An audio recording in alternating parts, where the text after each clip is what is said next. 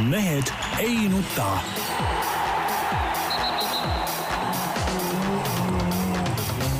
mehed ei nuta. tere teisipäeva, nagu ikka, Mehed ei nuta siin suurepärases Delfi stuudios. Tarmo Paju, Delfi omanik peaaegu, tervist! vähemalt juht, Peep Pahv Delfist ja Eesti Päevalehest, tervist! Jaan Martinson Delfist, Eestis, Eesti Päevalehest ja igalt poolt mujalt. tere! Nii, Tarmo, tulime siia, meil oli mõlemal midagi südamel ja, ja mitte poliitilist. Jaa, kusjuures peabki ütlema, et poliitika teema on täiesti ära tüütanud, aga see ei olegi midagi aga- rääkida, mul on ka üks asi, aga te rääkige ennem oma, aga- oma ebahuvitavad asjad ära, et siis ma räägin oma Need, need ei ole üldse ebahuvitavad asjad, kuigi kahjuks mitte esimest korda ei pea seda rääkima, aga aga me oleme mõlemad Jaaniga käinud siis eelmisel nädalal väikese reisi peal ja mis seal salata, pean ütlema enda saldo, viimased kolm reisi, kus on tulnud lennukiga sõita, mõlemad korrad on olnud siis sellised, kus nii-öelda sihtkohta jõudmiseks on äh, vaja üks vahepeatus ka teha kolmest kolm on, ütleme nagu väga edukas saldo on mul ette näidata selles osas, et äh, asjad mitte mitte sujuvad, vaid kahjuks selles osas, et asjad ikka nagu üldse ei suju kohe ja mitte midagi ei ole teha. viimasest äh, kolmest korrast kahel on ikkagi meie enda see rahvuslik uhkus koos oma poolakatest partneriga see, kes ei suuda ikkagi õigel ajal kohe kuidagimoodi kas ennast või siis pagasit kohale tuua. No midagi ei ole teha, noh. Lihtsalt äh, kuivad faktid. No mul, mul on täpselt, mul on äh, viimasest neljast korrast, kui ma olen meie kuulsa Nordicaga lennanud, kaks korda on asi pekki läinud, üks kord üldse lend ei tulnud, lennuk lagunes ära ja teine kord oli no ühesõnaga jõudis kohale tükk aega hiljem, aga no tähendab, probleemi mul ei olnud, ma jõudsin küll jätkulennule ja ma täiesti teadlikult praegu igal võimalusel väldin Nordicat, kui ma peaksin lendama ja mis nüüd tulemus on? lendasin Nitsasse läbi Stockholmi ja kõik ja öö, oli probleem lõpus.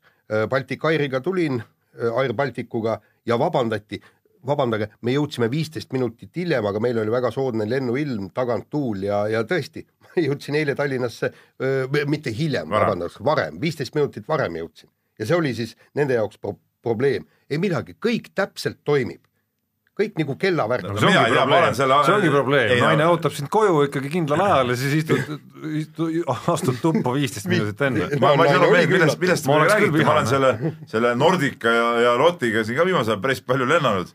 mul on null, null niisugust eh, kogemust, nagu te räägite, aga noh, nüüd te muidugi ajate mulle hirmu nahka, ma järgmine nädal pean, pean samuti seal lennufirmat kasutama ja, ja, ja mitte üksi, vaid, vaid kogu oma korvpallisatsiga lähme Ungarisse mängima, et, et et eh, vaatame, kuidas siis seekord läheb, aga siiamaani on küll, mul kõik on õnnestunud, aga mis, mis mänguvormid käsi ei, pagasisse vot teeb põhimõtteliselt ei pane. ja mänguketsid pange jalga kohe põhimõtteliselt ei pane, sest sest siia on ette nähtud, et potid peab ka lennufirma kohale toimetama, mis, aga see, oota aga see, oota, noh, Tarmo või, või, või. Peep, ma veel kord ütlen, tähendab vaata, seal Nordica teine suur probleem on see, et sinna ei saa ju seda käsipagasit kuhugi panna, seal see on ei ole nii lennuk nii väike, et sinna pole seda kotti kuhugi panna. no just, täpselt, pea kohal on täpselt niimoodi, et arvutikott mahub ära, kui kõvasti toppida on ju, kui on jämedam See on kõigi probleem muidugi, see- siin ma võin ei, öelda. stopp, ei, ei, no ütleme, mida väike see kohe, kui on, see oleneb lennuki tüübist täpselt, et kui, kui on väike lennuk ikkagi, siis nii on, no ma sõitsin ka Adria Airwaysiga otsad Ljubljanasse mõlemal korral, noh täpselt sama miniatuurne lennuk ja miniatuurne ruum käsipagasi jaoks. ei tea. aga mind jääb alati närvi, kui lennukist tulevad need inimesed oma nende, nende rataskohvritega, siis hakkavad toppima, on näha, see ei mahu ju sinna või no mahub kuhugi läbi häda, siis nad puhivad ja ähivad seal. kurat, selle jaoks on pagas lennukis, võta oma pagas, anna ära sinna ja lennukisse minnakse nagu valge mees, maksimaalselt arvutikott õla peal ja ongi kõik. Peep, kuule, aga tänapäeval ju nad küsivad pappi selle no mis teha, tahad lennata, siis maksa. no aga inimesel ei ole sa raha. ei, okei okay,, kui firma Ah. maksab kinni, on okei okay,, ei pole no mingit probleemi. sul on ju miljoneid pangas ju. ei no mis minu, ega ma enda pärast hädaldagi. no hädasid ju enda pärast. Ei, mitte, nii ma- ma..., aga see kõik see lennuvärk, see on, see on nagu tiluliu ja see puudutab ainult väikest osa inimesi, aga, aga mis mind on nagu hakanud viimasel ajal närvi ajama ja kohe, kohe räigelt närvi ajab, on, on see, mis on tekkinud mingisugune hullus nüüd. mingisugune videote tegemise hullus sellest, kuidas a la vaata, millise õudse kihutamisega liinibuss sõitis must mööda. vaata, millise manöövri tegi rekka, eks ole, ja nii edasi ja nii edasi. ja siis need saadetakse nendesse portaalidesse, Delfid, Postimehed, need avaldavad need ära veel. täielik idiootsus, noh, täielik idiootsus. eile õhtul vaatasin, oli, oli meie enda portaalis jälle kuidas buss sõitis mööda, mingisugune kuradi tont kökerdas oma autoga, näitas spidomeeter üheksakümmend kuus, mis näitab tegelikult sõitis võib-olla seal kaheksakümne üheksaga. buss siis eh, noh, mis neil läheb seal välja üheksakümmend kaks, üheksakümmend neli, mis neil see maksimum on. sõitis sellest siis mööda ja siis selle asemel, et seal nagu ruumi teha talle eh, veel, veel nagu seal eh, ütleme, pani kindlasti veel gaasi juurde või tegi selle vahe nii väikseks, et buss jumala eest ei saaks kahe auto vahele eh, reastuda. ja milles hakkab probleem pihta? probleem hakkab sellest pihta, et inimesed sõidavad nagu mingid viimased tondid. no antud juhul, ei, ei ma ütlen nii palju vastu, et antud juhul ma olen mõnel juhul sinuga nõus olnud, sa tead ise, aga antud juhul on raske nagu nõus olla, kui auto sõitis täiesti normaalselt, täiesti õige kiirusega. mis õige kiirus, no sõitis kuskil kaheksakümne no üheksa. üheksakümnega ümmarguselt sõitis, noh, no, noh noh, täiesti okei okay.. no mis okei okay., üheksakümmend ei ole mingi okei okay.. nii, aga jäta sinna vahele, mis sul, mis sul on, kindlasti ma olen absoluutselt veendunud, et see vend sõitis varem aeglasemalt ja siis, kui see buss läks mööda, pani gaasi juurde, ma tean omast käest seda, enamus need, mis, mis ongi probleem, sõidavad seal kaheksakümne kuue, kaheksakümne seitsme, kaheksakümne kaheksaga. loomulikult sa tahad siuksest vennast mööda sõita, sest see käib nagu närvidele, see selline ukerdamine seal ees. ja kui sa hakkad tast mööda sõitma, siis ta paneb ka muidugi gaasi juurde ja siis ta sõidab samuti, sul on seal peaaegu sada sees, et mööda saada, siis ta nagu tuleb ka samasuguse hooga seal kõrval, sa rüüstad ära, siis ta veel natuke aega ripub sul taga ja siis mingi paari minuti pärast eh, kaob sealt tagant ära, tead näe. vot no. see, vot sellised, vot sellised debiilikud tuleks liiklusest elimineerida, tead näe. Peep, ma olen, ma olen sinu, sinuga täiesti nõus ja teine asi, oota, oota hea nüüd, oota hea nüüd, nii. jälle vend mul sõidab eh, pikka otsa autoga ka, kurtis sama asja. no okei okay,, teeolud on tõesti vahest libedad.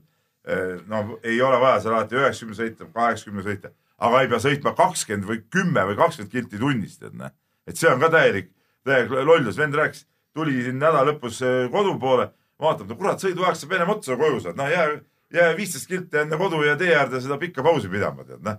no ebareaalne noh, ja siis nad lihtsalt munevad, seal mingit põhjust ei ole, sõidavad kolonnides, üks sõidab seal ees aeglaselt, siis järgmine tola ei julge mööda sõita, siis on see kõik üksteise küljes, siis kolonnist ka mööda ei saa. Ja no ongi siuksed, see ongi see Eesti liiklus, siis veel kurat filmivad ka veel ja, ja lasevad seal kõrval istujal filmida või ma ei tea kellel, täielik lollus. Peep, kuule, ma, ma, olen täiesti si- sinuga nõus ja, ja ütleme niimoodi, et näiteks ma, ma ei ole niisugune kinnitambitud lumel, ei ole eriti osav sõita, kuna ma tõesti talvel väga vähe sõidan ja mul on olnud siin olukordi, kus ma, kus ma pean tulema näiteks mõnest suusavõistlusel, kõik nii, mul on alati niimoodi, nii kui üks-kaks autot taha tulevad, tõmba kohe tee äärde, lasen nad äh, spetsiaalselt mööda, ma olen ka seisma jäänud noh, okei okay,, peaaegu sei-, seisma jäänud, aga teen kõik selleks, et kiiremad must tagant mööda saaksid ja, ja seda tuleks ju kasutada täpselt ka, ka meil liikluses, kui sa näed, näh. et selliseid asju, Jaan, ei näe Eestimaa teedel ei Just. näe Eestimaa teedel, et mul on üsna raju kogemus üsna hiljutisest ajast, Peep, mida sa kirjeldasid siin, kui ma käisin äh, äh, ühte Riia otsa tegemas ja pidin kella peale tagasi jõudma ja, ja olgem ausad, kui siin äh, väike edasiarendus sellest, et kui siin äh, hästi palju üldse Eestis on räägitud aastate jooksul sellest, kuidas Tartu maantee on ohtlik ja kuidas seda tuleb neljarealiseks ehitada lõpuni välja ja nii edasi, siis äh, nagu kuritegelikult vähe on räägitud tegelikult Pärnu maanteest ja sellest, mis, seal seda muuseas sellest- kurdavad, seda kurdavad ka rekkamehed. no absoluutselt ja seal nad, seal nad sõidavad rohkemisegi, et see on nagu päris raju teekond tegelikult, ja see siis, ja siis ajukeegi, ajugeenius, kes neid teid planeerib, neljarealine läheb eks ole, Aruteeni välja ja siis tehti see Pärnu maantee see kaks pluss üks rajad kohe pärast seda, tähendab veel mingi viis kilti otsa ja siis on kõik luhha, eks ole et no seal kohe viis kilti, no seal, kui sa oled juba saanud kirjastki mööda, võid ju, võid ju veel oodata, miks seal kohe ei tarvitse ehitada. no või, või kui sa tuled Pärnu poolt, siis noh, No vahetult kannatad kannatad viis kilomeetrit ära küll veel. kogu seda aega kannatad, siis kannatad selle ka ära, eks ole. no, no mis mõte sinna oli neid ehitada, noh. et see näitab täitsa ajuvabadust muidugi ja enne kui, kui teete siin mingeid Rail Balticuid ja ma ei tea, mingeid imeraudteid ja, ja ma ei tea, tunneleid läbi, läbi mere kuhugi või sildasid üle, üle, üle väinade, tehke need, need kolmes suunas, Narva, Tartu, Pärnu, eks ole. Tallinna ringtee, noh nüüd enam-vähem hakkab olema, võiks Keila peale ka välja tulla see neljarealised, noh et see, see on nagu liiklusohutus nagu ülioluline. ja, ja, ja lõpetuseks ma veel ütlen, et, et ma olen nüüd äh, rallidega seoses küllaltki palju äh, autoga pidanud Euroopas ringi sõitma ja, ja seal on ikkagi see liikluskultuur sellepärast väga kõrge, et nad teevad tegelikult selle kaherealise tee kolmerealiseks. sellepärast, kui keegi hakkab mööda, mööda sõitma, kõik tõmmatakse ilusasti tee äärde, lastakse ta mööda, ei teki mingit ohtu. Neil ongi automaatselt ja kui vaadata, kui lai meil see Tallinn-Tartu maantee tegelikult on ja vähemalt suviti, okei okay,, seal talvel on võib-olla lumevaalud ja värgid, et seal on probleeme, aga suvel saaks selle täiesti rahulikult muuta kolmerealiseks kogu aeg ja igal pool. seda kultuuri kusjuures on äh, Lätis ka. ma tahtsin just öelda, et isegi Lätis on see kultuur, et seesama see nii-öelda Riia maantee, eks ole, kus seal on need uuemad lõigud, kus on võimalik tõmmata siia tee äärde, et saab rahulikult mööda sõita ka siis, kui teine auto vastu tuleb. noh. no just, äh, rappimise lõpetuseks õigemini rappimine sai nüüd läbi, ma tahan öelda ühe positiivse asja ka muidugi, mis tegelikult võib-olla on kõige rohkem hetkel isegi hinge peal, see on see, et äh, eestimaalased kõik kobige suusaradadele, supertingimused üle Eesti, kõikidel suusaradadel, kus ma käinud olen ja neid on juba päris omajagu, tõesti superrajapõhjad, rõõm on näha, et inimesed on seal kohapeal ka, et äh, ärge jätke kasutamata. ja, aga siin ma pean jälle ütlema äh, õige üleskutse, olen isegi see aasta suuskada käinud, väga mõnus. aga jälle, leidub idioote. meil Va- Vasalemmas üks äh, ära virise nii palju oot, ma no. räägin sulle nüüd. tore külamees teeb meil, tal on vastav tehnika, tõmbab suusarajad sisse kooli juurde, meil on see valustusring ja nii edasi, eks ole. ja üks päev oli Facebookis, pani postituse üles ja mingisugune ilma ajudeta äh, mingisugune tüüp oli käinud loomulikult autoga, sõitnud kõik segi selle, selle venna, mis mees oli teinud. no ATV mehed on ka sellised no, no kurat küll. Saaks, on- saaks kätte, eks saaks kätte, ai kurat, tõmbaks, tõmbaks kohe niimoodi oma kohut seal, kui üldse tõmmata annate ja noh, muidugi on ka jooksjaid, kes tahavad äh, ikkagi sisse sõidetud suusarajal veel nagu jalajäljed ka sinna korralikult sisse saada, et et äh, te võiks ka natukene mõelda rohkem siiski. nii, aga nüüd nüüd eh, sport, Monte Carlo ralli, Ott Tänak kolmas, aga no mitte midagi ei ole teha. Sebastian Ogier, uus auto, uus, uus tiim. Ja võidab poolteist kiiruskatset, ühel oli kiirem, ühes jagas äh, Jari-Mati Latvalaga aega, rallivõit. ja kusjuures lõpus vaatad, et Neuvill nüüd tuleb, paneb eelviimasel katsel, vähendab vahet null koma nelja sekundini, no vot nüüd läheb võitluseks, tühjagi ei läinud, üks koma seitse sekundit oli Ogier Neuvillist viimasel katsel kiirem, põmm jälle, kas, kas üldse seda venda saab kuidagimoodi peatada? saab ikka. no, no kui Neville ei oleks viimasel katsel väikest apsakat teinud, olekski peatatud, Ei, no aga, aga no- ta tegi selle vea. aga No no, ta tegi just. jah. ei no kui sa mõtled eelmine aasta Sardiinias näiteks, see samasuguse heitluse Neville võitis, eks ja ei no ma räägin aga, aga tervikuna jah, tervikuna. tervikuna jah, mina ütlen, et et äh, kui meil on siin nagu saate teemas ka sõnastatud küsimus, et kes on soosik number üks MM-tiitlile, siis ma ütlen ikkagi Ossier. Mitte midagi ei ole teha, kuigi ei ole kiht, kihlveokontorid on pannud Ott Tänakut ja pandi ka Monte Carlo eel Ott Tänak äh, peamiseks soosikuks, just mõte oli selles, et, et ta on harjunud äh, äh, sõitma, ta on teist aastat Toyotas ja ta on, tema tulemused on ka paremad, kui Neuvillil olid Monte Carlos senini. ja, ja ei usutud Ossieri ja, ja see, see öeldi ju ka välja pressikonverentsil, et väga vähesed uskusid Ossieri võitu. ja muidugi, palun, võtke välja. muidugi, et et, et Tänak pidi olema Montes ja peaks olema moekokkuvõttes ka üks suursoosikuid, aga elu on siiamaani näidanud, et ikkagi kui Ossier on stardis, siis tema see suursoosik, ongi. noh. ja, ja, ja, ja kusjuures no, no jällegi ei saa sellest üle ega ümber, et, et öö, Otil praegu see rehv purunes ja, ja see, see oligi põhjus, miks ta suurde mängu ei sekkunud. Ott ise ka ütles, et, et ta ei ole täi- sugugi kindel, et ta oleks selle ralli võitnud, kui see rehvi purunemist poleks olnud, aga näed, ja juhtus ja, ja jälle midagi teha ei ole, kurvi lõigates nii läks ja, ja, ja samas tiimipealik Tommy Mäkinen äh, absoluutselt äh, ei pahandanud Ott Tänakuga, ütles, ta pidigi lõik, lõikama, poleks sealt lõiganud, oleks sodisele ats- asfaltile rattad äh, sattunud ja kõik, noh, mitte midagi ei ole teha, ikka vanajumal väga seekord vähemalt ei soosinud meie meest. no Mäkinenil oleks väga raske olnud midagi siin isegi ma arvan, omavahelises vestluses hakata ette heitma olukorras, kus kus tema tiimipealikuna on võib-olla nagu suurema kala läbi lasknud, mis puudutab siis neid tugevdatud velgesid ja nende mitte kaasavõtmist. kuigi ta nüüd tagantjärele on rääkinud, kuidas rohkem seda ei juhtu, kuidas justkui tegelikult nagu eh, see ei olegi mingisugune eriline lisaraskus ja mingi lisa nii-öelda nagu takistus, kui need on, need tugevamad väljad on kaasas, on ju, seda enam tekib see küsimus, et kuidas nad igaks juhuks isegi ikkagi ei läinud selle peale juba Monte Carlos. ja kui me vaatame nagu pikemalt, siis äh, üks asi selgeks, et äh, ikkagi Chris Meek on ikkagi ohtlik tiimis sees. Jaan, kuidas sulle tundub? ta on okei okay,, ma olen nõus, ta on ebastabiilne, aga ta on ikkagi nagu ohtlik, et see kiirus on temas ikkagi, ikkagi olemas, noh seda näitas see ralli igatepidi ja ma saan aru, et tal oli neid, neid äh, probleeme seal äh, rohkem kui Tänakul seekord, noh. et, et, et tema see võime kiiresti sõita on, on jätkuvalt vaatamata sellele pikale pausile säilinud ja, ja see tiimisisene konkurents, noh, ütleme, kui ralli algab pihta ja keegi ei ütle ju, et eh, Miik ja Latval, et ei tohi nüüd esimesel päeval seal vajutada, eks ole. vajutavad ja, ja kuna ta on seal eespool, seal on keegi vahel ka, ega seal keegi käsi neil hakata siis Tänakut mööda laskma sellises olukorras, kui eriti kui mõni sõitja veel vahel ka on, et, et ta on ohtlik. Ja meenutame, enne kui Jaan vastab, et ta sõitis esimest rallit Toyotaga. jah. Jah. Äh,, sattusin ühte hotelli äh, Soome väga-väga kogun-, kogenud äh, ralliajakirjanikuga, kes on tõesti noh, nagu ta ütles, et, et üle kahekümne aasta tean ka seda meest, kinnitan Jaani sõnu. just, ja, ja vestlesime just äh, Miigi ja Latvala teemadel ja ja, ja ta ütles niimoodi, et, et ta miskipärast arvab, et Miik ei suuda terve ralli vältel stabiilselt väga kiiresti sõita.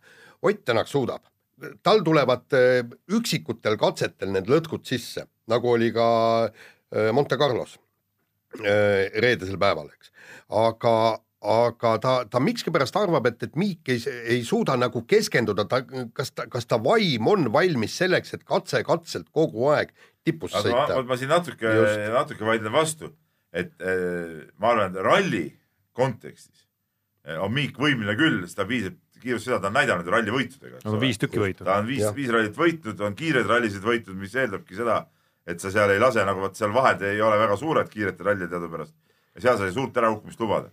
Küll aga eh, võib olla see, et, et kas ta on võimeline läbi terve hooaja ütleme hoidma seda, seda keskendumist ja kas seal ei tule neid, neid auke rohkem sisse, et see on nagu see, just see rallide lõikes nagu ebastabiilsus, aga mitte see, et ta ei ole näiteks ütleme, kui tuleb Rootsi ralli, noh, Rootsi ralli võib-olla pole ka hea näide, ütleme, tuleb Soome ralli, kus ta nagu on ka võitnud varem, eks ole, et ta ongi seal kiire ja, ja, ja paneb ja seal suudab ära kesta küll, et, et, et, et see ühe ralli suudab kindlasti ära kesta, aga kas ta läbi terve hooaja suudab hoida seda taset, see on nagu küsimus. sama asi on Latvalaga täpselt, et, et nii, nagu eelmine hooaeg näitas, eks ole, hooaja teine pool, noh, superluks, väga kiire, eh, võimas, kõik, kõik sõitis väga hea hooga, aga seal hooaja keskel eh, oli täielik mõõn, eks ole, et, et, vot eh, hooaja võt-, kokkuvõttes võidab ikka see, kes ei lase hooaja keskel või hooaja jooksul neid siukseid mõõnarallisid endale sisse. ja aga, aga nüüd see, see ajakirjanik nagu, nagu ta ütles ka selle Latvala kohta, et, et Latvala probleem on see, et ta loob endale ise pingeid,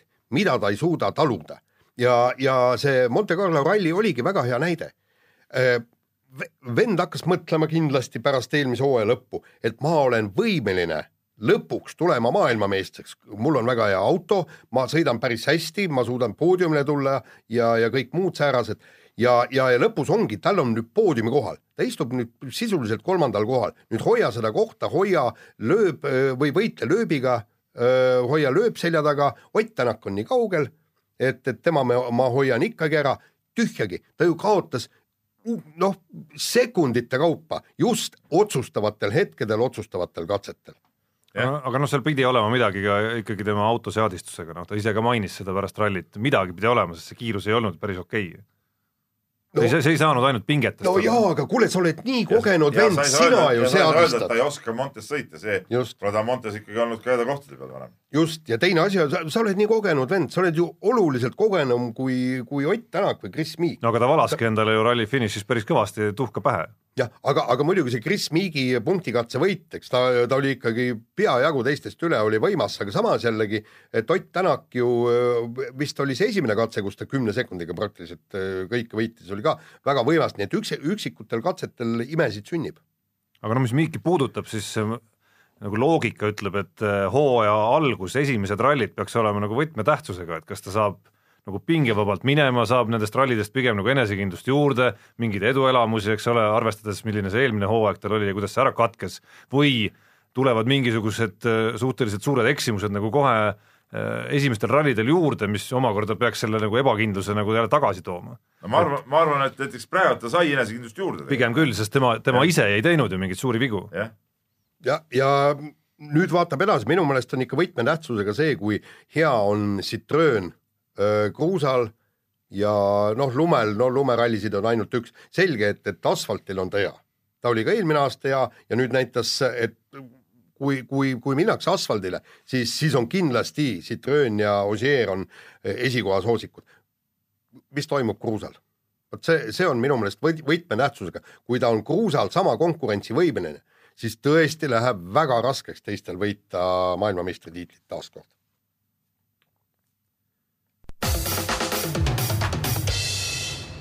Jätkame kiire vahemänguga Tõrvandis on läinud tõsiseks mölluks, kus äh, kohalikud ja diskgolfi harrastajad on äh, tõsiselt tülli pööranud. Äh, diskgolfarid tahavad golfi mängida, kohalikud ütlevad, et umbes, ma ei tea, mis nad ütlevad, tõmmake jeed siit, et üldiselt äh, otsige endale Tartumaal kuskil Ülenurme kandis see asub, ma vaatasin nüüd Jah. lõpuks järele ka, kus see Jah. täpselt asub Jah, üldse. et, et minge, minge mängige kuskil mujal kohas, et, et siin on ilus parkmets, siin me tahame suusatada, me tahame jalutada, me ei taha kettaga vastu pead saada, puid seda lõhutakse. kõlinat ei taha ja ka kuulata. kõlinad ka, kõlinad ka ei taha kuulda. kusjuures ma selle kõlina kohta ma, ma tahakski seda öelda, et, et ma kujutan ette, et see võib tegelikult üsna närviline, ma, ega mulle ka väga ei, ei meeldiks ja, ma võin öelda, mul on naabripoiss, elab üle tee, nendel on kodus äh, see kettakorv olemas mm. -hmm. ja, ja poiss on sihuke hästi, kuidas ma ütlen, nagu järjekindel, et äh, vahe, vahepeal ta tagus jalgat hästi kõvasti oma hoovis seal, nüüd ta viskab seda ketast ja on see hommik või õhtu, kui ma olen õue jälle, kõll, kõll käib. miks ta närvi ajab? keegi ei käi ju öösel kell neli viskamas ega siis see, ei no ja peaasi, kas tuppa mulle kostas, kostab mul siis, kui ma õue lähen ja no, no mis sest on siis noh, õudne häda nüüd on. noh. ja ei, ma, ma, ma see ei ole Peep, mitte mingisugune, see ei ole siuke heli, see ei ole selline heli, mingi pinin, mis sul hakkab mm. närvidele käima või no Peep, juuste lihast Peep on läbi. harjunud muidugi NATO lennukitega, et sellega võrreldes täielik nali, muidugi. aga samas ma natuke mõistan neid kohalikke elanikke selles suhtes, et, et selge see, et noh, kui seal mingid kettad kogu aeg lendavad, noh, ka ei ole nagu mõnus värk võib-olla. et tegelikult meil ju Keilas on ju äh,, meil Keilas, Keil ei ole, mina Vasalemast. Aga noh, ütleme Keilas, seal, kus ma käin ise ka diskgolfi mängimas, võib-olla kõige rohkem üldse radadest, on ka sama probleem, et, et see äh, rada läheb sealt läbi, kus on need terviserajad, eks ole, seal on see äh, asfaldiring, kus rulluisutavad rolleri omad äh, jooksuringid, rattaringid, talvel suusaringid, sellepärast talvel seal põhiraja peal ei mängitagi, et seal on suusaringid ja on talverada on eraldi teises kohas jälle, kus ta ei sega nagu, nagu teisi inimesi, ega neid ütleme risti-rästi mingeid jalutajaid, suusatajaid. sinna on konflikt nagu sisse kodeeritud see. on sisse kodeeritud, noh. ja, ja see on ohtlik, ega see ketta kust pead saada ei ole nagu mõnus, tead, et need rajad võiks ikka muidugi olla sellises kohas, kus nad kedagi teist ei sega, tead, aga noh, seal peab ütlema, mul, ma ei ole see tõrvanud, ma ei ole seal mängimas käinud, et, et et, et kui palju ta seal nüüd, nüüd reaalselt segab või, või on see rohkem nagu inimeste jonni sinna. jaa, aga teine asi on, on see, et, et kuidagi see tuleb lahendus leida, kui, kui jutud käivad seal ikka kolmsada, kuussada inimest käivad seal äh, mängimas järjepidevalt ja, ja nii-öelda taastoodavad om- oma tervist, no see, seda peab sa ka ei võimaldama. taha, et sul on, sul on see maamajake seal, eks ole no sa ka ei taha ju, et sinu aia taga see rada seal ei muidugi, käiks pooled kettad sul aeda võib-olla näiteks. ja no, ei no ma sain aru, et äh, lugudest, et konkreetselt mõne aiaga piirneb vist äh, ainult ühe aiaga see kogu rada, aga küsimus ei ole nagu niivõrd selles ikkagi, Keidala tehtigi ringi sellepärast, et üks rada oli vanasti sellises kohas, kus ütleme eh, kehvasti visates eh, lendasid kettad seal ühe mehe aeda nagu. ei, aga muide, stopp, siin on väga hea reegel.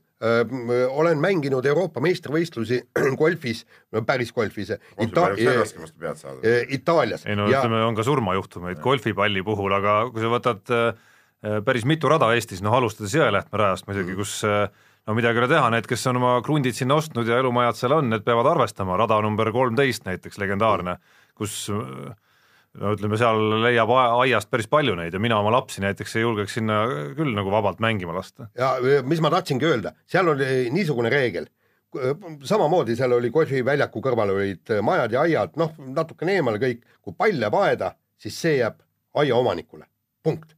ja, ja eh, see reegel oli klubi hoones eh, seina peal kirjas ja nii oli. Ja seal võiks ka teha, kui ketas läheb sinna aeda, kui sa oled- teed nii kehva viske, kõik, sa oled sellest kettast il ilma.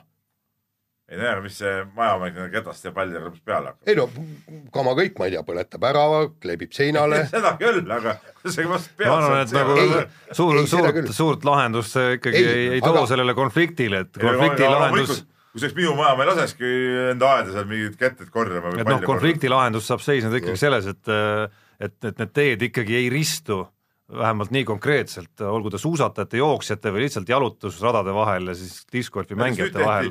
hiljuti avati, ma varem ei teadnudki seda, ma arvan, et see avati hiljuti, käisin ühe korra mängimas, see ka vana aasta sees seal eh, Suurupi, kus see pae paevärk on, no sinna oli tehtud üks diskgolfi rada, noh, väga hea koha peal, kedagi ei absoluutselt, noh, ma tean jumala ideaalne koht, et anna ainult kuuma. just, et mi- minu vallas ja mi- minu külas, Aru külas, õigemini Alevikus, samamoodi planeeritakse diskgolfi rada, aga seda ei planeerita olemasoleva terviseraja mingisugust risti-rästi jooksma, vaid teisele poole teed ikkagi teise metsa salusse.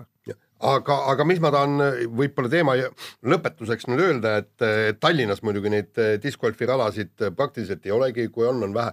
et mind imestab, et, et see discgolfi fännide kogukond, nad võiksid ju äh, kambaga ennast kokku võtta, otsida vä- välja võimalused, hakata suhtlema linnavalitsusega. et, et kus kohta oleks võimalik neid radu öö, ehitada. sest näiteks toome näite praegu, diskgolfi teemal, liiga pikaks muidugi, aga, aga toome näite Jyvaskyla, eks ole. Soomes on diskgolf ülipopulaarne. seal on see põhirada on seal, no Jaan, sa tead, kus see suur suusamäng on, eks ole, ma käisin suvel poisiga seal mängimas ka, kui rallil käisime. aga teine väiksem rada on keset linnapark, vaata, kus on see linnakatse käib ümber selle, see Harju Just, mägi, eks ole. ja, ja seal on ju need tavalised kõnni, jalutusrajad ja kõik ja seal mäe peal on ju öö, väiksem rada, üheksarajaline rada, et, et öö, näiteks isegi Soomes on tehtud nii, et ütleme, inimesed kõnnivad seal, aga seal on ka rada, eks ole. Et noh, kuidagi saab ja ma noh, noh, eks inimesed peavad olema seal muidugi hoiatused ja asjad ka väljas tähendab. Noh. jah, aga, aga, aga tuleb kuidagi leida see lahendus, et inimesed saaks minna liikuma. liikuma, põhiline, põhiline liikumine. nii, no ja no ja ütleme lõpetuseks siiski inimestele endale ka natukene nagu ütleme, see on nüüd küll koht, Peep äh, ja tolerantsus ei käi võib-olla ühte lausesse kokku, on ju, aga sellistes kohtades võiks nagu käia siiski. no et sa ei lähe kohe nagu ikkagi nagu nii-öelda möllama iga, iga asja peale, eriti kui sul lihtsalt kõrva häirib natukene mingi kettide ja ei, see kõlin. ketikõlli jutt, see on täitsa jabur jutt, selle, see ei päde üldse. nii, aga vahetame teemat ja jagame natukene tunnustust ka. toimus siis nädalavahetusel äh, sõudeergomeetrite traditsiooniline võistlus Alfa, kogu Eesti sõudekoondis oli kohal, kes terved. Ja palju ei jäänud puudu, et äh, oleksid nad kõik saanud siis äh, lüüa mehelt metsast piltlikult öeldes, ehk siis Rainar Piik, vanglateenistuse töötaja, endine jõutõstja vist, kui ma õigesti mäletan Jah. artiklist, kes siis mingil hetkel otsustas äh, rohkem sõudeergomeetri sõudmisega tegeleda ja Tõnu Hendrikson oli siis see, kes viimasel hetkel lõpuspurdiga äh, päästis Eesti sõudjate au ikkagi. aga tead ikka natuke kummaline, okei okay,, ma saan aru, see ei ole päris sõudmine, et noh, et, et sõudmises ilmselt ta nendele meestele mitte juhul vastu ei saaks. aga ikka nagu kummaline, et noh, see liigutus ja see on ikka ju üks, üsna üks-ühele sarnane ju noh. et ja see lihased, mis seal töötavad, et, et, et kuidas ikkagi need meie tipud nagu siis äh, nii kehvaks said? tead, seal ma arvan, et, et esiteks nagu ma sain aru, see on kilomeetri distants, eks ju. tähendab, nad ei sõida kilomeetrit, nad sõidavad kah, kaks kilomeetrit. et kui sa treenid ennast mingisuguseks spetsiaalseks noh, nagu võistluseks, mis, mis ei ole nagu tavavõistlus, siis on kõik, võta, võta golfis pikkuslöök ega, ega need maailma parimad golfarid ei saa ligilähedalegi vastu nendele, kes võistlevad pikk, pikima löögi võistlustel sellepärast, et nad on treenitud tõesti selleks, et anda see üks purakas, nad muud mängu nad kindlasti oskavad, aga mitte ligilähedaltki nii hästi. ja, ja, ja siin ei ole midagi imestada, aga, aga väga kihvt, et, et see vend, vend ühel alal tuleb ja, ja proovib nendele suurtele staaridele kohta kätte näidata no.. ilmselgelt tegi, tegi suurte staaride jaoks äh, võistluse kõvasti põnevamaks. absoluutselt kindlasti. aga nüüd tulevad ju kahe tuhandes meetris ka äh, tuleb Eesti tšempionaat ja vend mingu sinna kohale ja näidaku no ma sain aru, et ütleme kaheksasaja peal oli ikkagi nagu korralik haamer tulnud, et kahe tuhande peal ilmselgelt ei ole tal midagi teha. nii, aga kui me siin kiitsime Rainer Piiki, siis nüüd tahaks küll natuke äh, urjutada või nuuditada Kalev Cramo korvpallimeeskonna, ma arvan, see on nagu juhtkonna otsus, nagu ma aru sain. see tähendas seda, et meeskond jättis kohtumises Jurmalaga, kui nad läksid välismängule Lätti oma, oma siis põhipunktiviskaja äh, Lewis'e koju, sellepärast et kartsid siis, et äh, kuna Lewis oli eelmises, esimeses mängus kod- kodus toimunud mängus lätlasele ütleme vastu hambaid pannud ja siis kartsid, et äh, tuleb karistuskarm seal Lätis, kuna lätlased registreerisid selleks mänguks siis Kaspar Skambala oma meeskonda. Ja, ja tõesti oli, oli Kalev Cramo nii vedelpükslik, et ei võtnudki meest üldse kaasa ja, ja, ja noh, see oli nagu, nagu väga kummaline otsus ja mis asja iroonia muidugi oli see, kõigepealt esiteks moraalne eh, võit lätlastele, et eh, nemad on eh, nagu kõvemad vennad, eks ole, et neid kardetakse ja, ja asja iroonia peale seisnes selles, et Kaspar Kambala tegi oma, see oli tema jaoks nagu lahkumismäng või lahkumisetendus ja tegi supermängu ju tegelikult, mis see oli, üheksateist minutit ja kakskümmend punkti või.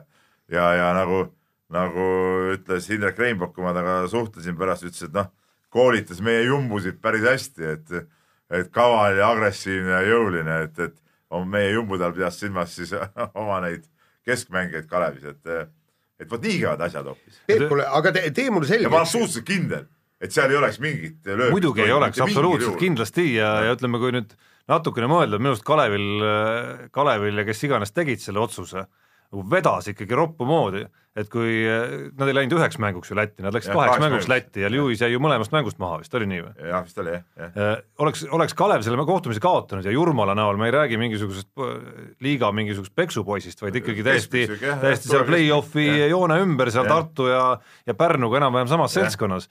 et oleks see mäng ja võõrsil Lätis kunagi ei ole lihtne Jah. mängida, oleks see mäng kaotatud Kalevi jaoks olukorras, kus võideldakse seal ikkagi Riia VEF-i ja Ventspilsiga ikkagi väga tihedalt Põhiturniiri põhiturniiri võidu pärast. mis omakorda annaks nii-öelda nagu trumbid kätte, et see Final Four saada lõpuks Tallinna, mis omakorda on päris hea valuuta selles mõttes, et võitagi see liiga nagu ära, et minu arust oli see nagu väga riskantne otsus ikkagi. kuule, aga ka- kas, kas nüüd siis oli siis Kalev äh, Cramo juhtkond see, kes äh, Lewis'e äh, nii-öelda Tallinnasse jättis või äkki poisil Lewis ise. enda ah?? et Lewis ise äkki lõi vedela ja, et püksid olid pruunid no ja võib-olla, aga noh, seda enamaks peab klubi ikkagi noh, kuule. ütleme, see oli ju show osa oli see, ütleme, noh okei okay,, mitte, mitte see, et ta Lewis kellegi vastu hambet pani, vaid see, mis jär, järgnes, eks ole. Päris osavalt tehtud kõik see kambade registreerimine ja kõik. ja see oli ju üks, see oleks tulnud lõpuni kaasa mängida ja välja mängida normaalselt. mis siis oleks olnud, mis, mis, no seal ei oleks ju midagi juhtunud, noh. Ja Kambal tuligi reaalselt oma ilusat karjääri lõpumängu tegema ja, ja ma käisin ju, olin nädalavahetusel äh, Valgas äh, poistega mängimas ja loomulikult põikasin ka üle piiri, käisin, tankisin seda odavat kütust, tänaste hindadega viisteist senti odavamat äh, liitri pealt kui, kui, kui meil siin, eks ole.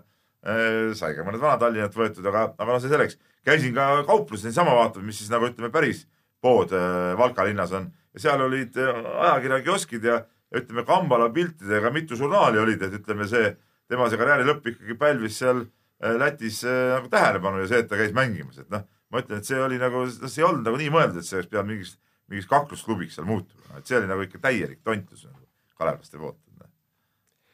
nii, võtame järgmise teema ja ja siin äh, Tarmo Paju on teemadesse kirjutanud, et äh, Kelly Sildaru kuulab võistluste ajal Pluutot, Ott Tänak pani kiiruskatsete vahel öö, peale Nublu. tähendab, mul on siin nüüd küsimus, et kuulab Pluuto, Pluuto on teatavasti planeet. et äh, Pluto noh, ei olnud see mingi koer, vaata. ja Pluto oli ka üks koomiksi tegelane, ja koomiksi tegelane ja, ja, ja Nublu Nublu on ka koer. koer ju, politseikoer, et kas Ott Tänak siis pani kiiruskatsete vahel, mille peale ta selle Nublu no pani eks sa? tead nüüd väga hästi, millest jutt on, ehk siis eh, mõlemad Ei, näol on tea, tegemist ma ei siiski ole- muusikutega. vaata, ma ei ole kuulnud, kuulanud. no aga avarda seda tava, kuidas sa käid, kuidas sa käid rallit kajastamas, kui sa ei tea, millisest muusikast ammutab inspiratsiooni Ott Tänak? kuule, see on nagu ebaprofessionaalsus, ma ütleks ei siiski., okei, nüüd ma tean, mina lähen nüüd Rootsi järgmine, ülejärgmine Ja sa pead Nublut kuulama. ja ma vähemalt tean, mul on nagu informatsioon olemas. Jah. ma lähen viskan viis kohe, oh. jah, ma usun, et näiteks teades, et sa oled suur Pearo Pauluse Too Quick Starti fänn et siis see lugu nimega Too Quick Start Nublu esituses Jah. võiks sulle täitsa mis oli, meeldida. kõlas ka seal kontserdil. Absoluutselt. ja käisin vaatamas. jah, ei, aga, aga miks ma peaksin oma kõrvu rikkuma, kuulates seda ja muusikat, Kelly okei, kajastaja oled sa ka, nii et tegelikult sa peaksid eh, nii Nublu kui Pluto loomingu minu Ei, arust ei, ikkagi täielikult läbi töötama. ümber vaatama, tead noh, jah. ei, ei, ei absoluutselt mitte. et ütleme nii, et kui Ei. ei suuda nagu ütleme asjast aru saada, siis noh, online lindi tootmine Jaa. on nendele meestele nagu ei no paras. põ- põ- Paras põhimõtteliselt e- ega, ega nüüd ma natukene saangi aru, et, et miks ei tulnud kolme kulda ja, ja miks, miks mõni mees kolmandaks jäi seal, oleks ikka Zeppelini peale pannud ikka niisugune mõnusa raju äh, immigrantsongi näiteks äh, enne katset, see oleks ennast niisugust äksi täis ajanud ja kõike. pagan, sealt oleks tulnud kõik. selles suhtes ma muidugi nõus, et, et, et ega need Nublo, ma se- sellest Plutost ma ei tea isegi mina mitte midagi. tead, ma ei ole ka kindel, et ma Et- et suudan ühtegi, et ühtegi tema tema lugu nagu nii-öelda öelda välja, et Et- see on see tema lugu. et selles suhtes ma olen Jaaniga muidugi nõus, et, et ega see Nublu on tore poiss, ka Keila poiss muuseas jälle, jälle meie kandi mehised. naaberkülast mul sisuliselt. Et, et, et noh, see on tore, tore laulumees küll, aga ütleme sportlikus mõttes need lood ei ole head ja mul, mul poisid panid ka kokku näiteks oma CD-plaadi, mis meil siis pannakse nagu enne mängu peale seal tervisekeskuse ja siis seal teatud ajal peab jõudma, kui on kolm minutit antakse, siis tuleb seal mingi, mingid põhilood või värgid, noh, mingid traditsioonilised kõik ja need on ikkagi nagu siuksed, noh nagu ka nagu, nagu särtsakamad ikkagi, mis peavad nagu üles kloppima meid, et, noh. et nii on. No näed, Pluto on, Pluto on, pidi väga äge olema, uus Nublu peaaegu. oh issand. no vot, aga kiire vahemängu lõpetuseks äh, räägime kaheksateistkümne aastasest Henri Trellist, kes on pääsenud äh, järgmiseks meistrite liiga mänguks Bambergi põhimeeskonda. jutt käib siis äh, korvpallist loomulikult, kes juba lahti ei raalinud ja lisaks tegelikult on ta nüüd saanud ka esimese Eesti meeste rahvuskoondise kutse. ja, ja mis ja, ja lisaks, enne kui sa midagi ütled äh,, on Henri Trell siin viimasel ajal päris ütleme, sageli on võib-olla hetkel palju öelda, aga päris paar korda käinud läbi tulevaste NBA draftide nii-öelda nagu selliste nagu ennustuste listidest. Tarmo, ma seda just tahtsingi ütelda no., lisaks, ja seda tahtsingi öelda, lisaks on ta sattunud ka NBA ütleme niimoodi värbajate ja, ja siukeste spetsialistide suurde huviorbiiti, ei no, ei no vägev värk muidugi, no, noh, Bambergis muidugi puhuvad uued tuuled ka teadupärast seal ju, ju mingi aeg vahetus ka peatreener ja, ja, ja, ja selge see, et Trell on, on talent, noh. et tal on palju minna, ta ei ole küps, ma ei ole nüüd teda muidugi oma juhusilmaga tükk aega näinud, tahaks väga huviga kohe vaadata teda, mis, mis ja kuidas, kuna mul on elus olnud kokkupuuteid temaga, ma olen vist siin saates ka rääkinud sellest, et, et olen saanud mõned mängud või õigemini viisteist mängu teda juhendada äh, Eibli mängudes, nii et, et ei väga, väga vägev noh. noh, mis on, mis tasub ilmselt äh, märkimist ja mis on tänu millele tegelikult on need nominatsioonid ju tulnud ka, on see, et kui nüüd vaadata Eesti korvpallureid eelkõige välismaal, aga miks mitte ka kodumaal ja üldse selles vanuse mingis vahemikus, siis juba näitajate järgi, ise kahjuks ei ole küll näinud, on tegemist ilmselt nagu kõige selgema sammu arengus edasi teinud Eesti, ütleme siis kusagil seal koondise koondiste piirimail oleva mängijaga. ja no ma ütlen, ma olen Trelli näinud ju, ta on jälle see kaks tuhat poiste põlvkond, keda ma olen hästi tähelepanelikult jälginud, põhimõtteliselt mingist üheksakümne aastasest saadik või, või millal sinna tekkis, eks ole.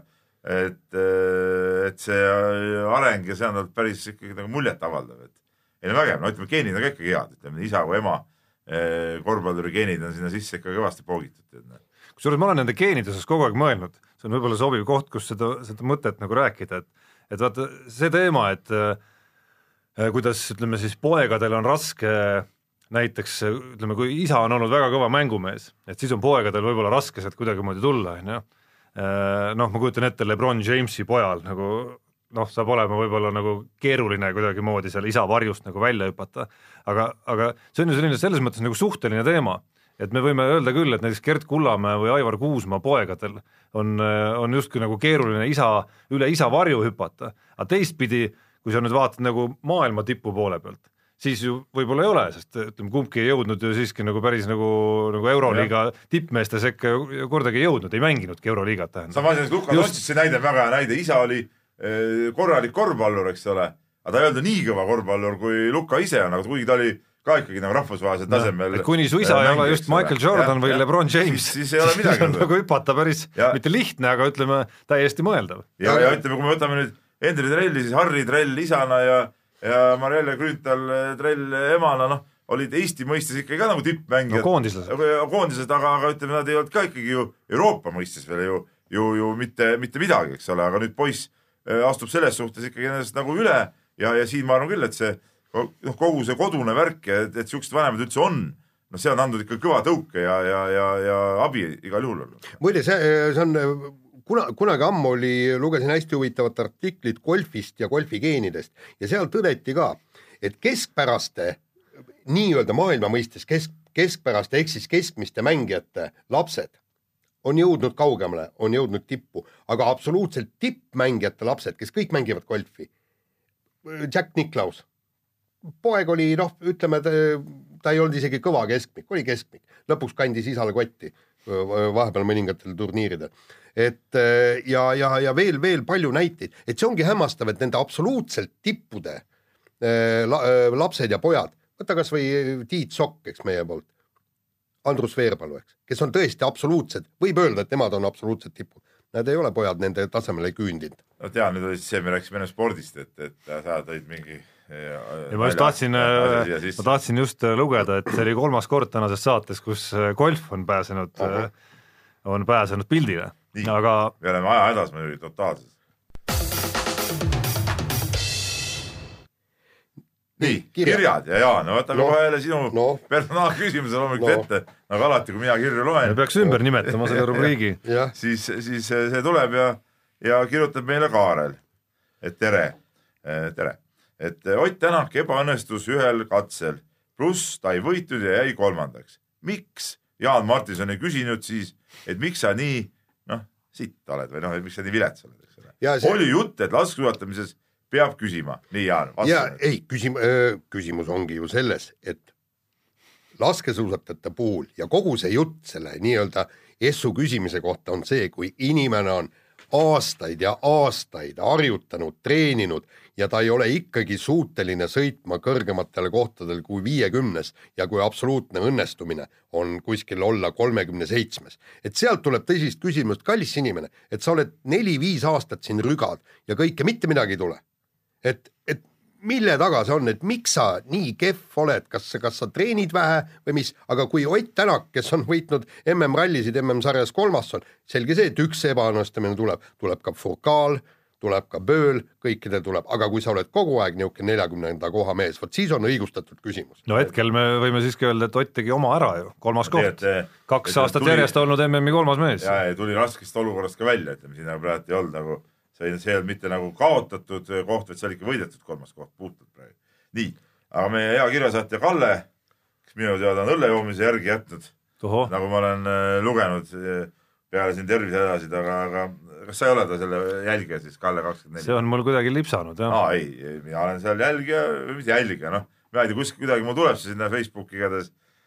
ma olen. kohe täitsa järele jättis. Nagu null ma saan aru, et õlut praegu ei lähe jah. Kalle, kirjuta meile, täpsustame seda, seda detaili pärast, aga see selleks, aga tal on kiri ja, ja no raske on temaga natuke isegi mitte nõustuda. ta kirjutab nii, selle nädalapuu spordiartiklite pealkirju äh, ilmestasid sõnad super, võimas, vägev ja nii edasi. ja mind pani imestama, et isegi meie suusahüppaja mahtus nende ülistavate pealkirjade sisse.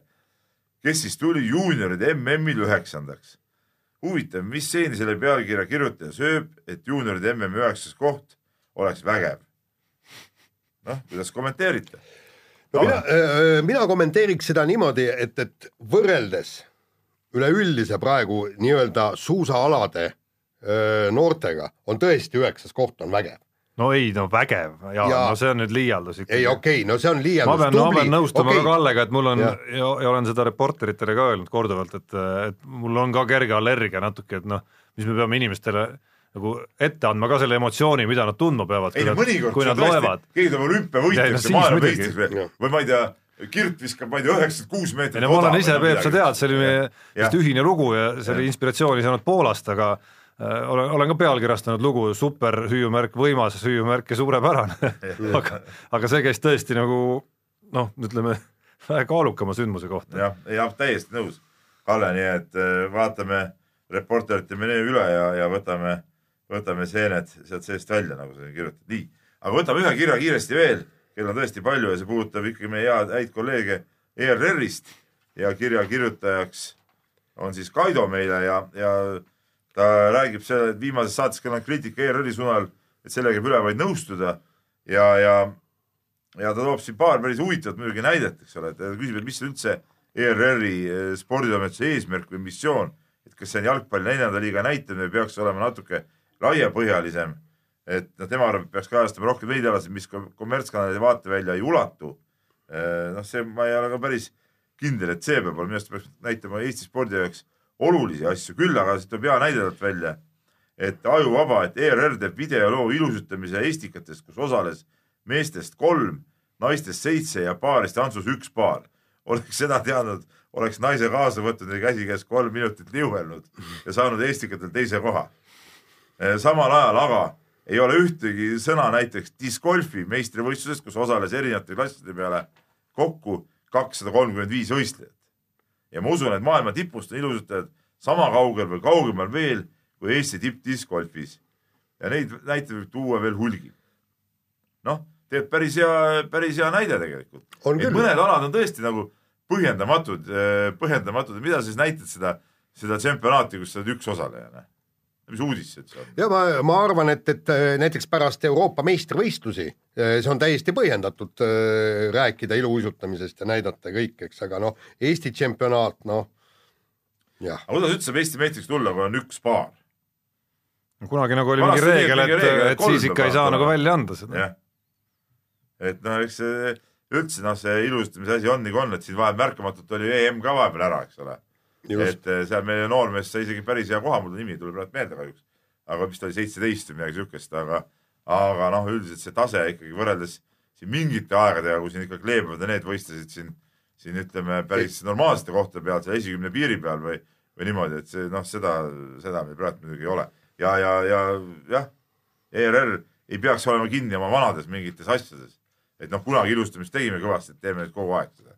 jah, et oleks veel äh, korrektselt lõpetatud saate osa, siis ütleme ära, et see noormees oli Aleksandr vot, jätke see nimi meelde, päris keeruline nimi. äkki saab asja.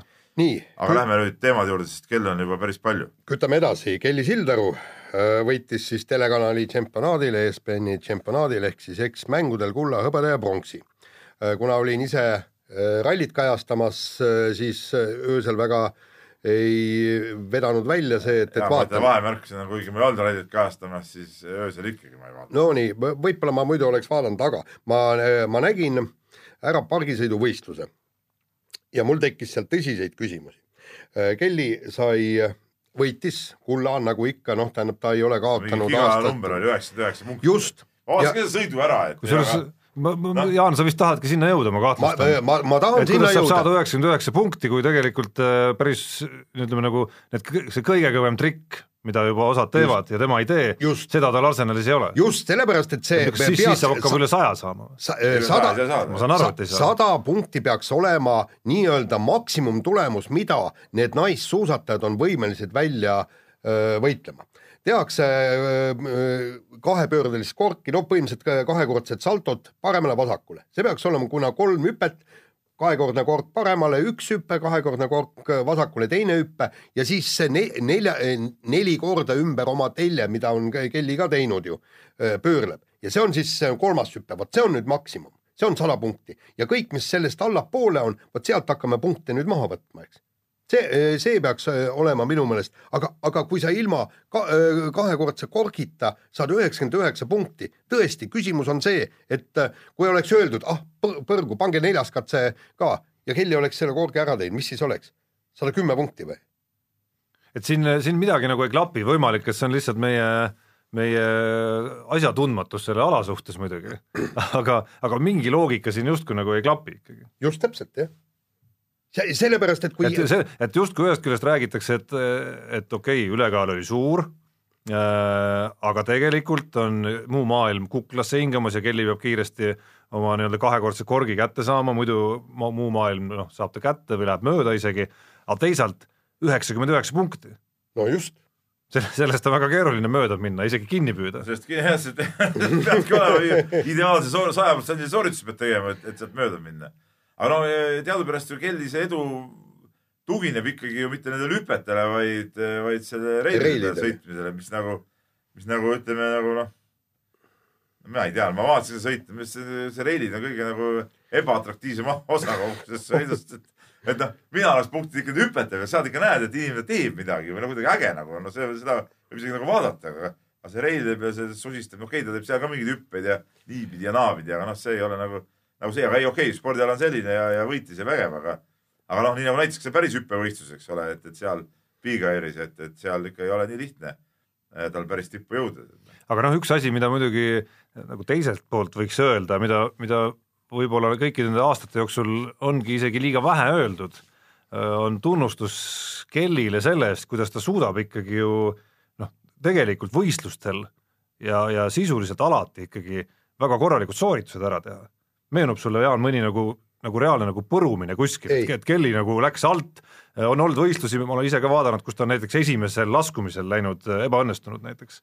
ja, ja ei ole olnud sellist hetke, kus nüüd on näha, et nüüd ta kuidagi hakkab põruma ja nüüd ta kuidagi läheb närvi, et, et se- seda asja juba väikesest ja väga noorest east ei ole nagu üldse tema puhul paistnud.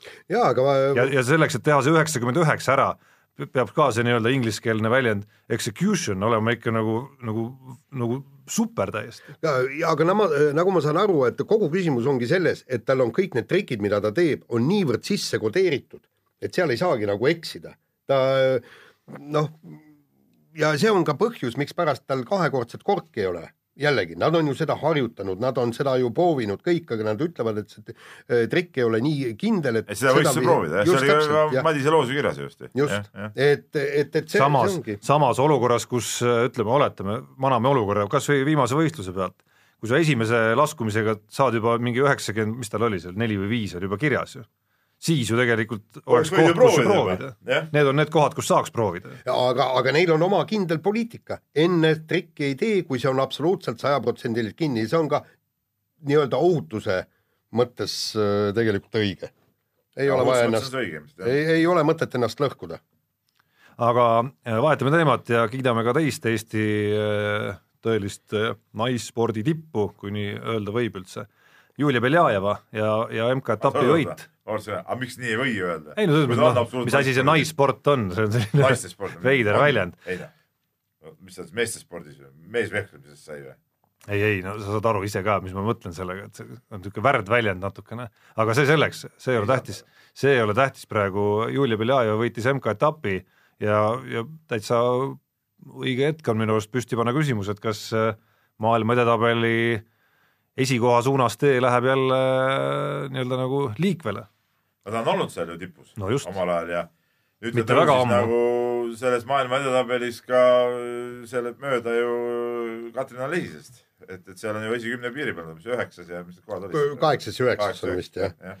no ütleme niimoodi, et, et see Beljajev on si siis, kui ta nüüd, ta oli ju, aastaid oli ju nii-öelda naiskonna neljas number.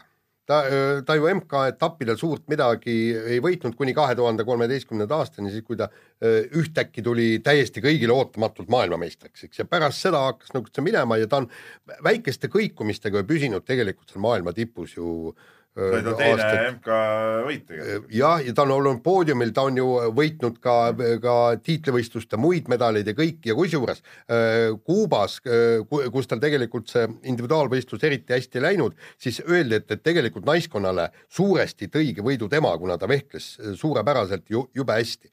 ja, ja, ja tundub, et, et nüüd tuleb jällegi Beljajeva aasta et, et noh, tiitlivõistlusteni on aega küll ja veel, et, et loodat-, loodetavasti vormikõver alla ja eelmine aasta Kalbe olnud EM-pronks. jah, no ütleme niimoodi, et äh, ei noh, okei, meil oli kuld Jah. lõve ees, aga ikkagi no kui sa võtad EM-it pronksi, siis ei ole halb aasta. noh. ei ju- just, aga, aga ta eelmine aasta ei olnud ikkagi noh, on maailma on nii hea ütleme siis ka, see Tallinna mõõk oli siis eh, noh, siin tal ju läks ka täitsa nässu veel ju. ja ei olnud ta võistkonnavõistlus hea, aga ei olnud ka individuaalis hea. Ja aga nüüd ta on jällegi, jällegi ma hoo sisse, saanud. Jaan, segasin talle vahele. ma vaatasin, ma ei tea, kas sul oli seal aega vaadata, ma vaatasin ka. üksiku matši vaatasin. Neid matše, näiteks see poolfinaal, seal ta lihtsalt ju, ju, ju ütleme, ütleme torkis ju auklikuks selle vastaselt, seal ei olnud ju, seal nagu võistluseks nagu ei läinudki. mina, mina vaatasin matši maailma esinumbriga äh, Mara, Mara Navarriaga, seal oli niimoodi, et, et ta jäi üksteist üheksa kaotusseisu ja, ja põhimõtteliselt võitis viisteist, kaksteist, ühesõnaga sealt pealt lihtsalt hakkas tema show pihta, et, et ta on ikka noh, enesekindlust on, et miks mitte võita. vägev. nii, lased kõlli ka või? Ei lase. ei lase, nii ja nü- nüüd panen ma suu kinni ja teie hakkate rääkima, Kristjan Kangur, Jaanar Talts ja Gregor Arbet vastupidi, panevad sinu sõbrad kõik. ja ei, minu sõbrad muidugi, aga panevad Serbia vastu lahkumismängul öö, pillid kotti. nagu mul on sulle, mul on sulle hea nüüd küsimus, vaata seal Riias, sul oli nagu hästi see võistkonnasisene info, no sa teadsid kõiki neid, et neil olid seal need koosolekud ja riiud ja, ja mm. -hmm. ja kõik värgid üritasid seda Tanel Tatsi käest eh, välja pressida seda, kes on näinud seda filmi, see on seal filmiversioon kõik olemas, kui sind saadetakse sinna heasse eh, pimedasse kohta, eks ole. sul seda infot on, et, et mis siis nüüd nagu, mis riid seal nüüd nagu vahele tuli, et et mehed lihtsalt nagu ära saadetakse Ta- korvpalliliidu ettepanekut. tähendab, kuna ma ei ole korvpalliga tegelenud, seal ma pidin olema öö, korvpalli ei, aga sul sees nagu see info nagu oli, jooksis Ei. ju kokku ju seal. ei no seal, seal no, absoluutselt, seal jookseb, kui sa inimestega räägid, ikka kuuled üht-teist ja, ja mis mind imestama pani, oli see, et, et korvpalliajakirjanikud ehk siis Tarmo Paju ja, ja Peep Pahv ja, ja mina Aarik teises väljaandes ja, ja ei, ei, ma, ma tean üleüldse, teie ju ei teadnud, ma mäletan, et kui, kui sellest probleemidest pidin artikli kirjutama, Ja mul on, mul, oot-oot-oot, mul on veel äh, äh, Urmo Soonvald äh, nõudis artiklit, et mis, millised probleemid vaevavad ja siis, kui Ivar Jurtšenko ja Tarmo Paju hakkasid meeletult vastu, ei, seda ei ole, kõik on nii hästi, no saime kaks mängu tappa, no mis on, ei mingeid probleeme ei ole ja kõik niimoodi ja mul, ei, mul on ju see kõik, kõik, kõik ei, aga küsimus on ilusasti milleski muus ikkagi, Jaan, et, et mis siis oli ikkagi? ei, saad aru, teie olete spetsid. ja aga vaata, mis siis, kui ei olnudki midagi? Mis siis? aga te ei hakanud isegi uurima, te hakkasite vastu võitlema ja, ja see on tegelikult piinlik oli tol ajal. mina, kes ma korvpalliga tegelenud ei olnud, mina ju hakkasin helistama, uurima kõik igalt poolt ja lõpuks kirjutasingi selle artikli taktikaliselt oli ja see, õige, Jaan. ja, ja, ja, ja kaks, kaks, Ivar, no tol hetkel mina töötasin teises väljaandes, mina teie vaidluses ei tea mm. -hmm. aga Ivar, kes pidi nagu tegelema põhiliselt korvpalliga, no ja Tarmo ka, ega nendel ei olnud ju mõtet käsi määrida, et siis võetaksegi nii-öelda kaurilihaks Jaan Martinson Kuule, ja tema ma- ei, ma siiski, ma siiski mäletan ka seda, Jaan, Jaa, aga omajagu, kui- et tegelikult oli siiski Ivar see, kes seal kõige rohkem uuris. oli, oli no. vaata, kes ma võin isegi kes nimed selle- ette lugeda, kelle käest, aga see ei ole ja, antud aga, hetkel aga vaata, kes oluline. selle artikli kirjutas lähme nüüd Ja okei,, minge lähme nüüd. loobujate võin ka seda vaadata kusjuures. aga mis oli nagu huvitav muuseas, miks ma selle küsimuse esitasin, oligi see, et, et äh, mehed ise ütlesid ka, et äh, tegelikult see ettepanek äh, teha see lahkumismäng äh, Serbia vastu kohtumisest tuli korvpalliliidult, et noh, et, et natuke ta jätab siukse naljaka mulje, on muidugi ilus žest, eks ole, ja no ilmselt mehed muidugi olekski koondist loobunud, aga no see oli nagu ka natuke ette pandud meestele, et et kuule, et nüüd loobuge, teeme teile lahkumismängu ära, tead, et et nüüd ongi nagu, nagu kõik teiega. ma ei tea, mulle tundub nagu teistpidi ah, noh, ei muidugi ilus ühest küljest, ühest küljest, ühest küljest tuleb arvestada, et need märgid on ju ammu juba maas, et, et nende meeste koondise karjäär hakkab läbi saama, et siin on seda kummi ju venitatud, on mingil, mingit, mingimaani palutud neid veel siin tulla ja seal tulla, nendest mehest, nendest kolmest mehest ühe puhul kuulasin eile Ivari äh, podcast'i ka, on ikkagi väga selge suund sinna, et ta üldse lõpetab pärast käesolevat hooaega, ehk siis Janar. Talts on ju, noh, Gregor Arbet siiski ka nagu päris tippkorvpalli tasemel noh, no Eesti mõistes no Eesti mõistes kavatseb jätkata, jäi mul mulje, aga see, aga see ei ole enam nagu nii-öelda nagu äh, sihiga koondises mängida. küll aga Kangur kindlasti ei kavatse lõpetada. ei kavatse lõpetada, aga, aga noh, on ilmselgelt juba selles faasis karjääris, kus me näeme maailmas ikkagi väga selgelt, et et, et koondis on see, mis äh, ohverdatakse selle nimel, et saada, et saada nii-öelda siis natukene veel jätkata seda klubi korvpalli osa, on ju. et ses mõttes see hetk tundub nagu väga õige ja ma isegi äh, antud juhul vahelduseks tahaks korvpalliliitu nagu kiita, et on äh, no kui seni on oldud võib-olla sellistes nagu turunduslikes nagu ma ei tea, trikk on võib-olla nagu vale öelda, on kuidagi näiteks jalgpalluritele kindlasti nagu alla jäädud, siis antud juhul on suudetud sellest Serbia mängust teha päris korralik sündmus ikkagi, ma Jaa, usun, et saali tuleb päris palju ja rahvast. ma usun ka, ma loodan väga, et tuleb äh, saada rahvast täis, ütleme, mehed on muidugi seda väärt ka, eks nad on koondisele palju andnud ja, ja, ja palju mänge ja kõiki asju, et eh, see selleks, aga natuke mind nagu huvitab, et kuidas nad selle nagu tehniliselt lahendavad, selle nende lahkumise, et teadupärast nagu sihuke eh, noh, lahkumismängus lahkumine tähendab seda, et mingi hetk võetakse mängija platsilt ära, siis on, ütleme seal kestvad ovatsioonid, kiiduavaldused, antakse üle mingisugune mingi asjake ja, ja, ja nii edasi, eks ole, mäng seisab. aga see on ju EM, MM-i, vabandust äh,, ametlik äh, valikmäng, seal ei saa sellist mängu sihukest asja teha, et kas see siis tehakse kuidagi, mis see siis nagu poole ajal tehakse ära, teise poole platsile ei tule või, aga pärast mängu siis on tarvis, ütleme lõpus mehed on vigadega väljas, mis, mis siis, mis siis saab tead ei no aga miks või, või kuidas teevad peale mängu lõppu siis? ei no ma arvan, peale et see mängu toimub lõppu, ikka jah. pärast mängu lõppu, et et noh, reaalselt äh, see ei ole ju, nad ei ole mingid maskotid seal koondises, vaid äh, nad on reaalsed mängumehed ja, ja, ja selles praeguses koondises reaalselt ongi Tiit Sokul vaja neid väljakule saata. jah. ja mõtlegi jah, et kuidas nad seda nagu, et noh, et siis peaks nagu varem nagu ka publikuga nagu läbi rääkima, et, et inimesed ei lahkuks nagu, vaata teadupärast inimestel nagu homme ju mäng lõpeb, mõni seal vaatab, ah juba saavad tappa tead enne mängu pilet juba peab minema, et ikka rahvas jääks nagu saali, et noh, see tuleks no ennem kuidagi nagu selgeks saada, aga muidu muidugi tore värk ja, ja, ja, ja, ja ikka kahju ka natuke, noh. ütleme, see on juba, see on ka siuke põlvkond, keda on nähtud noorena tulemas korvpalli ja nüüd nagu ättidena minemas, et noh, noh, ja Ja keda on nähtud tead, ikkagi äh, tegemas ka tegusid, no ühest küljest tegemas tegusid, teisest küljest mingil hetkel olemas selline nagu mingisugune kuidas öelda, nagu mingisugune Eesti korvpalli hädade sümbol või Jah. ütleme, see põlvkond mingil hetkel ikka noh, esiteks nad koondisega kukkusidki, eks ole, Mudaliigasse. sõna otseses mõttes, aga noh, tulid sealt ikkagi auga välja lõpuks ka ja kui me nende karjääre vaatame, noh eriti, eriti Kristjan Kanguri ja Janar Taltsi oma, kes välismaal tiirutasid natukene kauem, eriti veel Kristjan Kangur, siis noh, tegelikult tuleks väga selgelt müts maha võtta nende meeste ees ja mille, mille suhtes eriti tuleks müts maha võtta, on, on needsamad numbrid, needsamad koondises mängitud mängude Jah. numbrid, need on ju metsikud, saja viiekümnega algavad need numbrid. kõigil kolmel jah, sada viiskümmend viis oli nii Arvetil kui Kanguril ja Taltsikas sada viiskümmend kaheksa. jah, aga noh, eks eks ta teistpidi paratamatult näitab muidugi natukene Eesti korvpalli kohta ka ja nende põlvkondade kohta, mis olid enne neid, kus ei no ikkagi seal olid ka üle saja mängumehed, igas Pehkad ja, ja, ja aga ütleme ütleme Pehkade ja Müürsepade ja siis Kangurite Arvetite vahel oli nagu teatud auk siiski ja, jah. ja, ja samamoodi nende järel oli ikkagi Auk, teatud auk et need, et need mängude numbrid võib-olla ei oleks nii suureks paisunud, kui kui kogu see järelkasvu pool oleks vähe ühtlasemalt just nagu tippmängijate osas Eesti korvpallis olemas olnud. nüüd siis näeme nagu järgmist lainet alles, ütleme sealt edasi järgmine laine tuligi seal kuskil seal Siim-Sander Vene, Sten Timošoku ja Rain Veidemanni kandis on ju, siis jälle natukene mingisugust nagu hõredamat osa ja nüüd Natuke siis jälle no just, osa. et, et sellised nagu väga koledad augud on võib-olla see tegelikult isegi see viimane auk oli kõige, kõige koledam isegi ja pikem. nii, aga Nii. kõik saali ja mis siis ikka. jälle üle tunni ja täiesti võimatu. ja, ja kuulake meid järgmine teisipäev ja äkki siis saame kiiremini asjaga ühele poole. mehed ei nuta.